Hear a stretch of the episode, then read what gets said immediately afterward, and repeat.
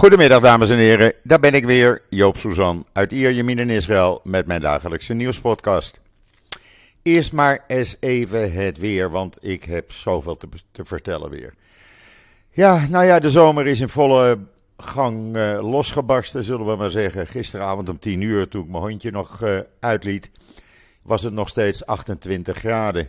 Vanmorgen om 6 uur, kwart over 6, 26 graden. En nu, nu is het uh, rond de 32, 33 graden. En dat zijn normale temperaturen voor de tijd van het jaar. Wat niet normaal is, is de COVID-situatie. Want gisteren hadden we toch weer uh, ruim 11.000 nieuwe besmettingen. 11.438 om precies te zijn. En dat betekent een percentage van 37% van de mensen die getest werden. Uh, 30.836. En dat is hoog, nog steeds erg hoog.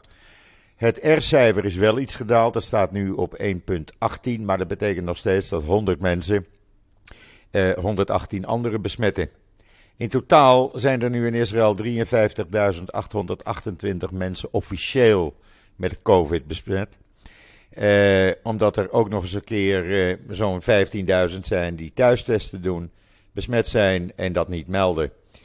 En dat is bijna elke dag.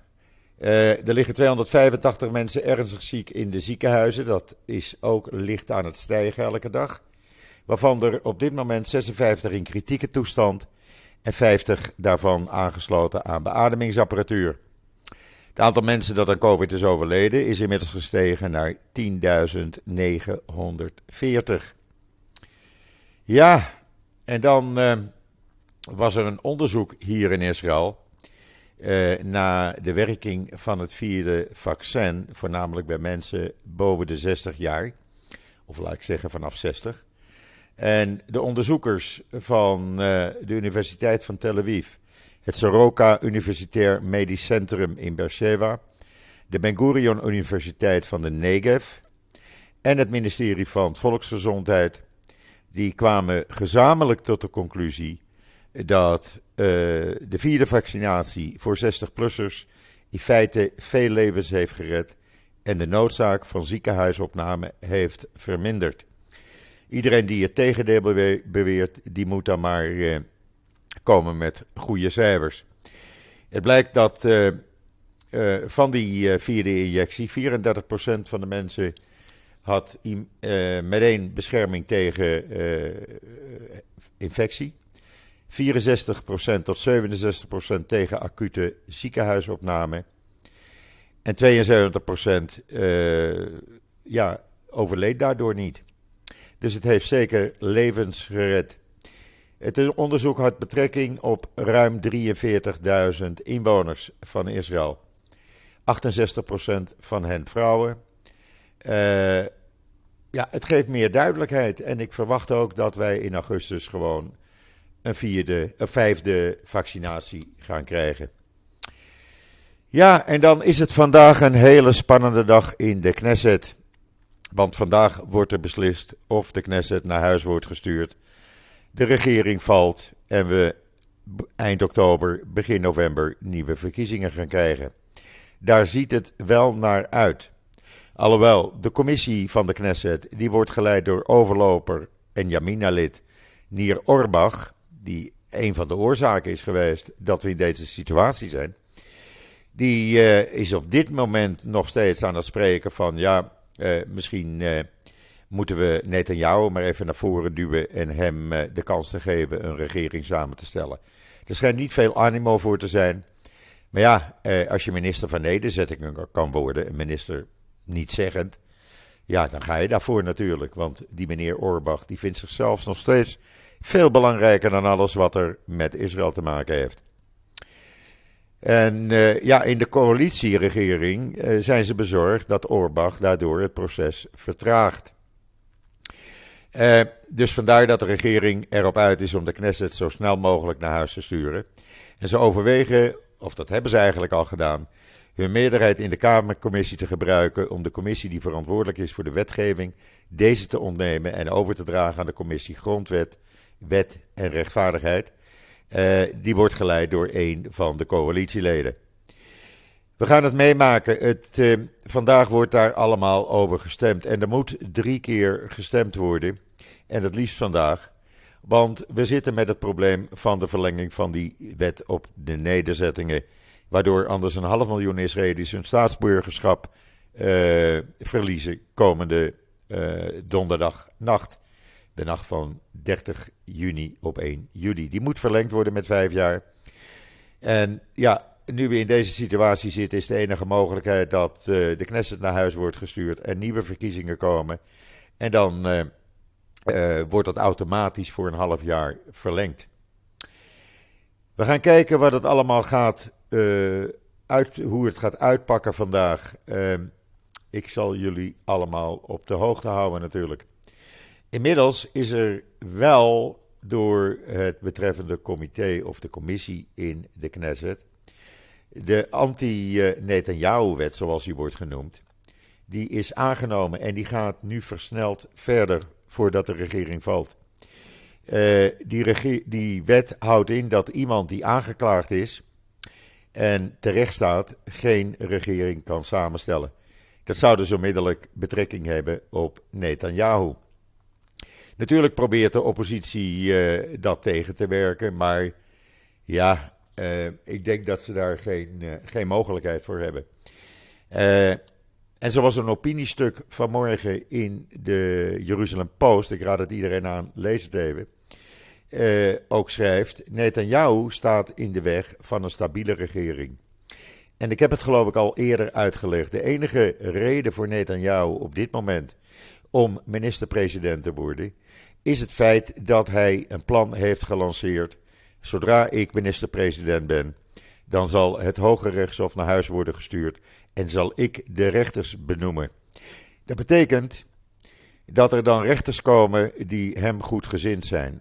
Wat inhoudt dat als hij veroordeeld wordt en die kans wordt zolang het proces duurt, met de dag groter. Dan gaat hij naar het Hoge Rechtshof en dan wordt hij vrijgesproken en dan draait hij niet de gevangenis in. Dit is de enige reden waardoor, waarom Netanyahu premier wil worden. Een andere reden is er niet, geloof mij. Daarnaast hoor je de laatste dagen steeds meer stemmen in Israël opgaan van ja, eigenlijk heeft deze regering het hartstikke goed gedaan. Die hadden eigenlijk helemaal niet weggemoeten kunnen ze niet blijven zitten, want we hebben geen werkloosheid. Integendeel, we hebben een tekort aan werk, uh, werknemers. De economie draait als een tierenlier. De inflatie is rond de 4%, vergeleken met andere landen erg laag. Uh, de huizenprijzen beginnen iets te dalen. Er zijn de laatste weken en dagen wetten aangenomen uh, die jarenlang door Netanyahu op de plank bleven liggen. Zoals verhoging van sociale uitkeringen voor gehandicapte soldaten, betere huisvesting, betere begeleiding. De salarissen van onderwijzers, daar wordt nu over onderhandeld, die gaan omhoog. Heeft jaren niet plaats gehad. Uh, er is een wet aangenomen waardoor voormalige soldaten van het Libanese leger die in Israël wonen, betere huisvesting, betere uh, voorzieningen gaan krijgen. En zo kan ik nog wel even doorgaan. Natuurlijk, Bennett heeft fouten gemaakt. Lees het artikel wat ik gisteren heb geplaatst op israelnieuws.nl. Hij uh, zegt ook: ik had meer aandacht aan mijn partij moeten besteden dan aan bijvoorbeeld Zelensky. Uh, ik heb veel aandacht aan Iran besteed, besteed, maar ook dat is belangrijk. En ja, je kan niet overal tegelijk zijn natuurlijk, maar hij heeft het gewoon hartstikke goed gedaan. Daar zijn steeds meer mensen het nu over eens. Maar ja, uh, dat is een beetje te laat, zullen we maar zeggen. Zo dadelijk wat meer over politiek, want er speelt natuurlijk nog veel en veel meer. Maar eerst een bericht wat gisteravond bekend werd en wat ik ook op Israël Nieuws heb gezet. Israël bleek in maart deel te hebben genomen aan een ongekende, unieke ontmoeting met Arabische staten, inclusief Saudi-Arabië, eh, onder leiding van Amerika, over Iran. Uh, Egypte zat daarbij, Jordanië, uh, Saudi-Arabië en Qatar, waar Israël geen uh, diplomatieke betrekking mee heeft. En de Emiraten natuurlijk, Bahrein. ja, en dat is een geheime bijeenkomst geweest, die gisteravond bekend werd gemaakt door een artikel in de Wall Street Journal en hier is overgenomen. En dat heeft dus betrekking om gezamenlijk een aanpak te bepalen ten opzichte van Iran. Zo zie je maar, er gebeuren meer dingen achter gesloten deuren die wij niet weten. Ja, en dan heeft de regering gisteren nog een plan gelanceerd om het autobezit met 5% te verminderen. En 1 miljoen minder kilometers per dag te laten, uh, te laten rijden. Hier in Israël is het natuurlijk uh, chaos. Men noemt dat plan het One Million Plan. En wat wil men nog uh, met dit ambitieuze plan? Men wil het autobezit gaan verminderen. Nou, dat is natuurlijk allemaal prachtig. Maar dan zeg ik, ja, allemaal mooi die, die plannen die jullie willen doen. Maar als je nou naar de realiteit kijkt, er is geen openbaar vervoer op Shabbat hier. Dat begint op vrijdagavond en dat eindigt op zaterdagavond. Mensen willen toch bij familie en vrienden op visite, of vooral op vrijdagavond. Mensen willen er op zaterdag op uit. Als er geen openbaar vervoer is, dan moet je wel een auto hebben. En dan ga je niet je auto wegdoen omdat de regering dat nu zo goed wil. Daarnaast is het openbaar vervoer dringend aan verbetering toe. Ik bedoel, ze zijn nu bij mij in de buurt, hier bij Natanja, de wegen aan het verbreken van zes baans naar acht baans. Maar maak daar in plaats van uh, nieuwe rijbanen een light rail van Herzliya, waar die gaat eindigen binnenkort, uh, naar Natanja toe. Dan gaan de mensen uit een auto, pakken ze de light rail, laat hem langs de kust lopen. In plaats van een rijbaan leg je daar die light rail aan. Maar ja, uh, men wil het openbaar vervoer uitbreiden met 120 nieuwe kilometerroutes. Men wil het carpoolen uh, aanmoedigen. Ja, dat werkt nu ook niet, want we hebben carpoolbanen. men wil mensen die geen auto hebben met het openbaar vervoer gaan. Zo'n 1000 shekel per maand. Pak een beet, nou het zal het zijn, iets meer dan 260 euro per maand voor het openbaar vervoer geven. Uh, we willen, ze willen de ambtenaren meer thuis laten werken. Uh, ja, allemaal van dat soort plannen. Erg mooi. Verkeerslichten die slim moeten zijn. Nou, op dit moment zijn de meeste verkeerslichten helemaal niet slim. Want die werken niet eens op een, op een kabel in de, in de weg, op het verkeersaanbod. Die werken gewoon op tijd. Maar goed, het is een mooie ambitie en we zullen zien wat het gaat worden. Ik hou jullie op de hoogte. Lees het even na op israelnieuws.nl. Ik heb ook nog een verhaal geplaatst op Israël Nieuws over Ein Hot, een Israëlisch dorp waar de kunst de straten domineert. Ik kom er graag, ik kwam er altijd met mijn overleden meisje. Uh, het is erg leuk, het ligt vlakbij Sigon Jacob. Makkelijk te bereiken. Het is gewoon een kunstenaarsdorp waar de kunst letterlijk en figuurlijk op straat ligt, wordt tentoongesteld. Maar ook galerie, galeries zijn waar je kunst kan kopen. Echt, ben je in Israël, een aanrader om gewoon even te bezoeken. Ja, en dan gaat de actie Breaking the Wave van de IDF gewoon door. En zijn er ook de afgelopen nacht weer 17 terreurverdachten aangehouden en wapens in beslag genomen. Natuurlijk werden ze weer bekogeld met stenen en explosieven. Maar daar trekken uh, de jongens en meiden van de IDF zich niets van aan. Er zijn geen verwondingen gemeld. Ook dit op israelnieuws.nl. En verder is er een soort insectenradar, de eerste in zijn soort ter wereld, geïnstalleerd in de Gula-vallei uh, in Noord-Israël. U weet de Gula-vallei, dat is de vallei waar de vogels uh, een tussenstop maken. Eh, de flamingo's. Eh, geweldig om daar altijd even naartoe te gaan. En met die radar kan men precies de bewegingen van die vogels in de gaten houden. Nou, hartstikke mooi. hele verhaal is te lezen op Israël Nieuws.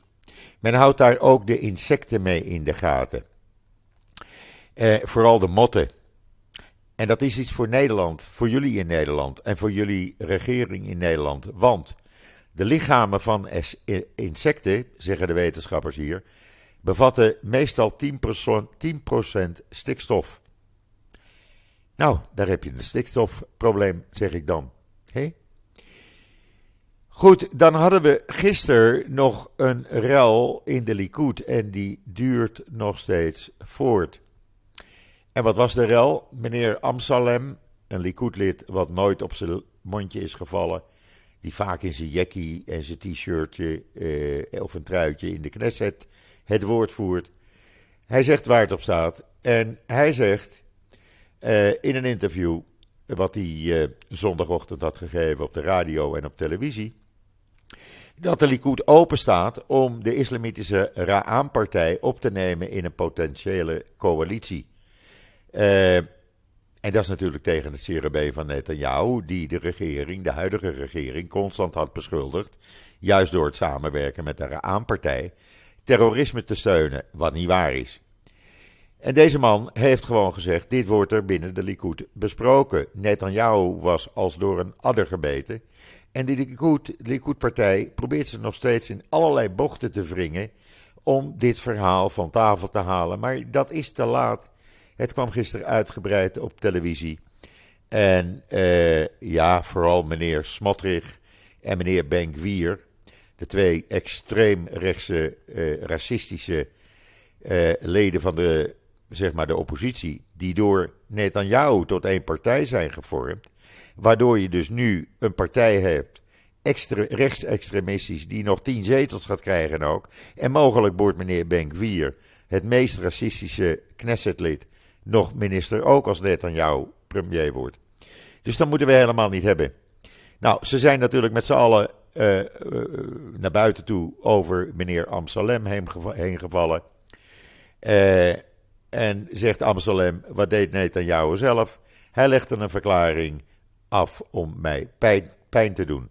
En ik accepteer dit niet. Ik accepteer dit van niemand, ook niet van Netanyahu. Want ik was met stomheid geslagen, zegt hij. Geef me eerst een telefoontje en vraag me wat is dit. Nou, dat is natuurlijk smullen voor iedereen. En eh, Likud heeft volgens Channel 12 zijn wekelijkse fractievergadering geannuleerd door die ruzie. Want ja, echt de hel is losgebroken binnen die partij. Wordt vervolgd, zullen we maar zeggen. Wat ook wordt vervolgd is de waarschuwing niet naar Israël te gaan. Alhoewel het wordt waarschijnlijk versoepeld. Even een slokje water. De dreiging is er nog, maar de regering overweegt om de reisbeperkingen te gaan versoepelen. Nou, dat zou uh, goed nieuws zijn voor al die duizenden Israëli's die per se toch op vakantie willen naar uh, Turkije, omdat het zo lekker goedkoop is en je dan even Israël uit bent. Ik kan me daar wel iets bij voorstellen. En dan Lapid heeft gisteren grote kritiek geuit op EU-baas van het buitenland. Omdat hij zo nodig naar Iran is gegaan om daar uh, te smeken van alsjeblieft Iran, ga die gesprekken over die Iran-deal weer hervatten. En Lapid is daar gewoon uh, des duivels over. Want die zegt, jullie houden geen rekening met Israël. Je houdt helemaal geen rekening met wat Iran op dit moment in Turkije tegen Israëlische staatsburgers probeert te doen. En je houdt er al helemaal geen rekening mee dat uh, uh, Iran gewoon bezig is met het ontwikkelen van meer en meer kernwapens. We zullen zien, wordt vervolgd. En dan het Negev-forum. U weet wel, het forum wat voor het eerst bij elkaar gekomen is in de Negev, verleden, jaar najaar onder leiding van Israël, Bahrein, uh, de Emiraten, Egypte. Dat gaat uh, opnieuw bij elkaar komen en in Bahrein binnenkort. Dat zijn dezelfde ministers van Buitenlandse Zaken. Dat is hartstikke mooi. Alleen komen hier nu uh, Marokko bij en waarschijnlijk Amerikanen. wordt hartstikke goed. Zo moet je het hebben. Gewoon met z'n allen openlijk praten over de problemen die er zijn, die er liggen.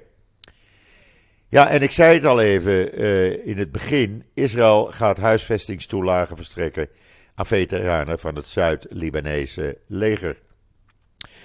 Uh, zoals Lieberman zei, we zullen altijd de gevechten van deze strijders, zij aan zij, met Israël uh, herdenken. Die zullen we niet vergeten. Als onderdeel van het voorstel krijgt nu een veteraan van het voormalig Zuid-Libanese leger 550.000 shekel, een eenmalige bijdrage voor huisvesting om een huis te kopen. Die worden vanaf 2026 verstrekt.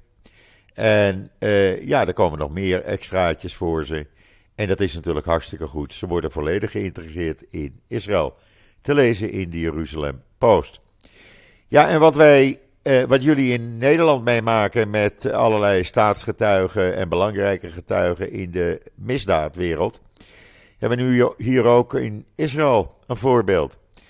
Een staatsgetuige die naar een niet met name genoemd Zuid-Amerikaans land was overgebracht uit veiligheidsoverwegingen. Die had getuigd tegen de beruchte Abergil-bende. Die is plotseling dood aangetroffen in zijn huis in dat Zuid-Amerikaanse land. Dat melden verschillende Hebreeuwse kranten. Uh, ja, die Abergil die hoort de komende dagen hoeveel keer levenslang die gaat krijgen. Dus die zal daar wel achter zitten. Dus het komt ook helaas hiervoor. Alleen niet in het land, in Zuid-Amerika dan. En dat Betar Jerusalem, dat wordt eigendom van de supporters van de fans. Die hebben een deal gesloten met de in financiële moeilijkheden geraakte en onder politieonderzoek staande Moshe Hogek, de eigenaar. Hij wordt onderzocht voor seksuele misdrijven en fraudemisdrijven. En de supporters die hebben zo'n 12 miljoen, uh, ja, zijn ze bezig op te halen. En daarmee gaan ze de schuldenregeling regelen. En gaan dus eigenaar worden van hun voetbalclub. Nou, is een goede zaak, lijkt mij zo. En hier in Israël, eh, ik geloof dat ook in Nederland in bericht in de kranten kwam. De Britse kroonprins Charles, die heeft zijn zakken gevuld met geld uit Qatar. Zo'n 3,2 miljoen dollar kreeg hij. En dat geld is gestort bij liefdadigheidsinstellingen. Ja, wat is een liefdadigheidsinstellingen? Is dat voor onder de armen, zeg ik dan altijd. In ieder geval weer een verhaal om van te smullen. En de Engelse koninklijke familie, ja, laat ik er maar verder niks over zeggen. En dan, ik had het gisteren al aangekondigd, Sahavi mogelijk terug naar Israël. Het is rond. Gisteravond laat heeft hij een tweejarig contract voor Maccabi Tel Aviv getekend. En hij gaat circa 1 miljoen dollar per seizoen uh, verdienen. Goeie zaak. Zes jaar nadat hij uh, Maccabi verliet, kwam hij weer terug. Hij heeft bij PSV natuurlijk goede zaken gedaan. Goede speler. Hij is 34. Zijn inbreng is bij Maccabi Tel Aviv hard nodig. Hartstikke goed. Ja, en dan een heel triest verhaal. Een jongen die twee maanden geleden uit Oekraïne vluchtte met zijn familie. Is gisteren, 16 jaar oud, is gisteren uh, bij het zwemmen bij Akko verdronken. Hij zwom op een stuk kust waar geen uh, reddingsbrigade was, geen toezicht. En hij was daar met een aantal vrienden, die misten hem op een gegeven ogenblik. En uh, ja, helaas verdronken. Jammer, heel triest. En uh, ja, dit zijn, dit zijn zulke. ja, ik vind dat zo ontroerend. Zo, ik, ik, ja, ik word daar een beetje ontroerend van. Waar ik niet ontroerend van ben, is Ivanka Trump, Trump met haar man Jared Kushner. Die zijn wining en dining in Tel Aviv en die hebben de tijd van hun leven. Hebben niets te maken op dit moment met de abortusrellen, het abortusprobleem, het abortusdebat in Amerika. Gaan, zich, uh, gaan uit een dak in Tel Aviv. De foto's, ik heb ze rondgetwitterd, kan je zien. Uh, wat wel opvallend is, uh, mevrouw Ivanka Trump loopt in het midden van de avond, pikken donker, met een zonnebril. Goed, dat hoort er waarschijnlijk bij als je bekend bent. Dat was het voor vandaag. Ik zal jullie de komende uren, de komende dag bezighouden van alle politieke ontwikkelingen hier in Israël. Hou mijn Twitter en Facebook-account en Israël Nieuws in de gaten. Uh, vanavond om 8 uur hebben Kobi Ziegler en Frank Berkenmeijer weer een Twitter-space over Oekraïne. Als er niets bijzonders gebeurt in Israël, ga ik zeker luisteren. Ik raad iedereen aan, doe dat gewoon. De beide heren weten verdomd goed uit te leggen wat er speelt en wat er niet speelt. En zijn betrouwbaarder dan vele media. Vanavond om 8 uur op Twitter Space. Breng mij tot het einde van deze uh, podcast voor vandaag. Ik ben er morgen weer en zeg zoals altijd: Tot ziens. Tot morgen.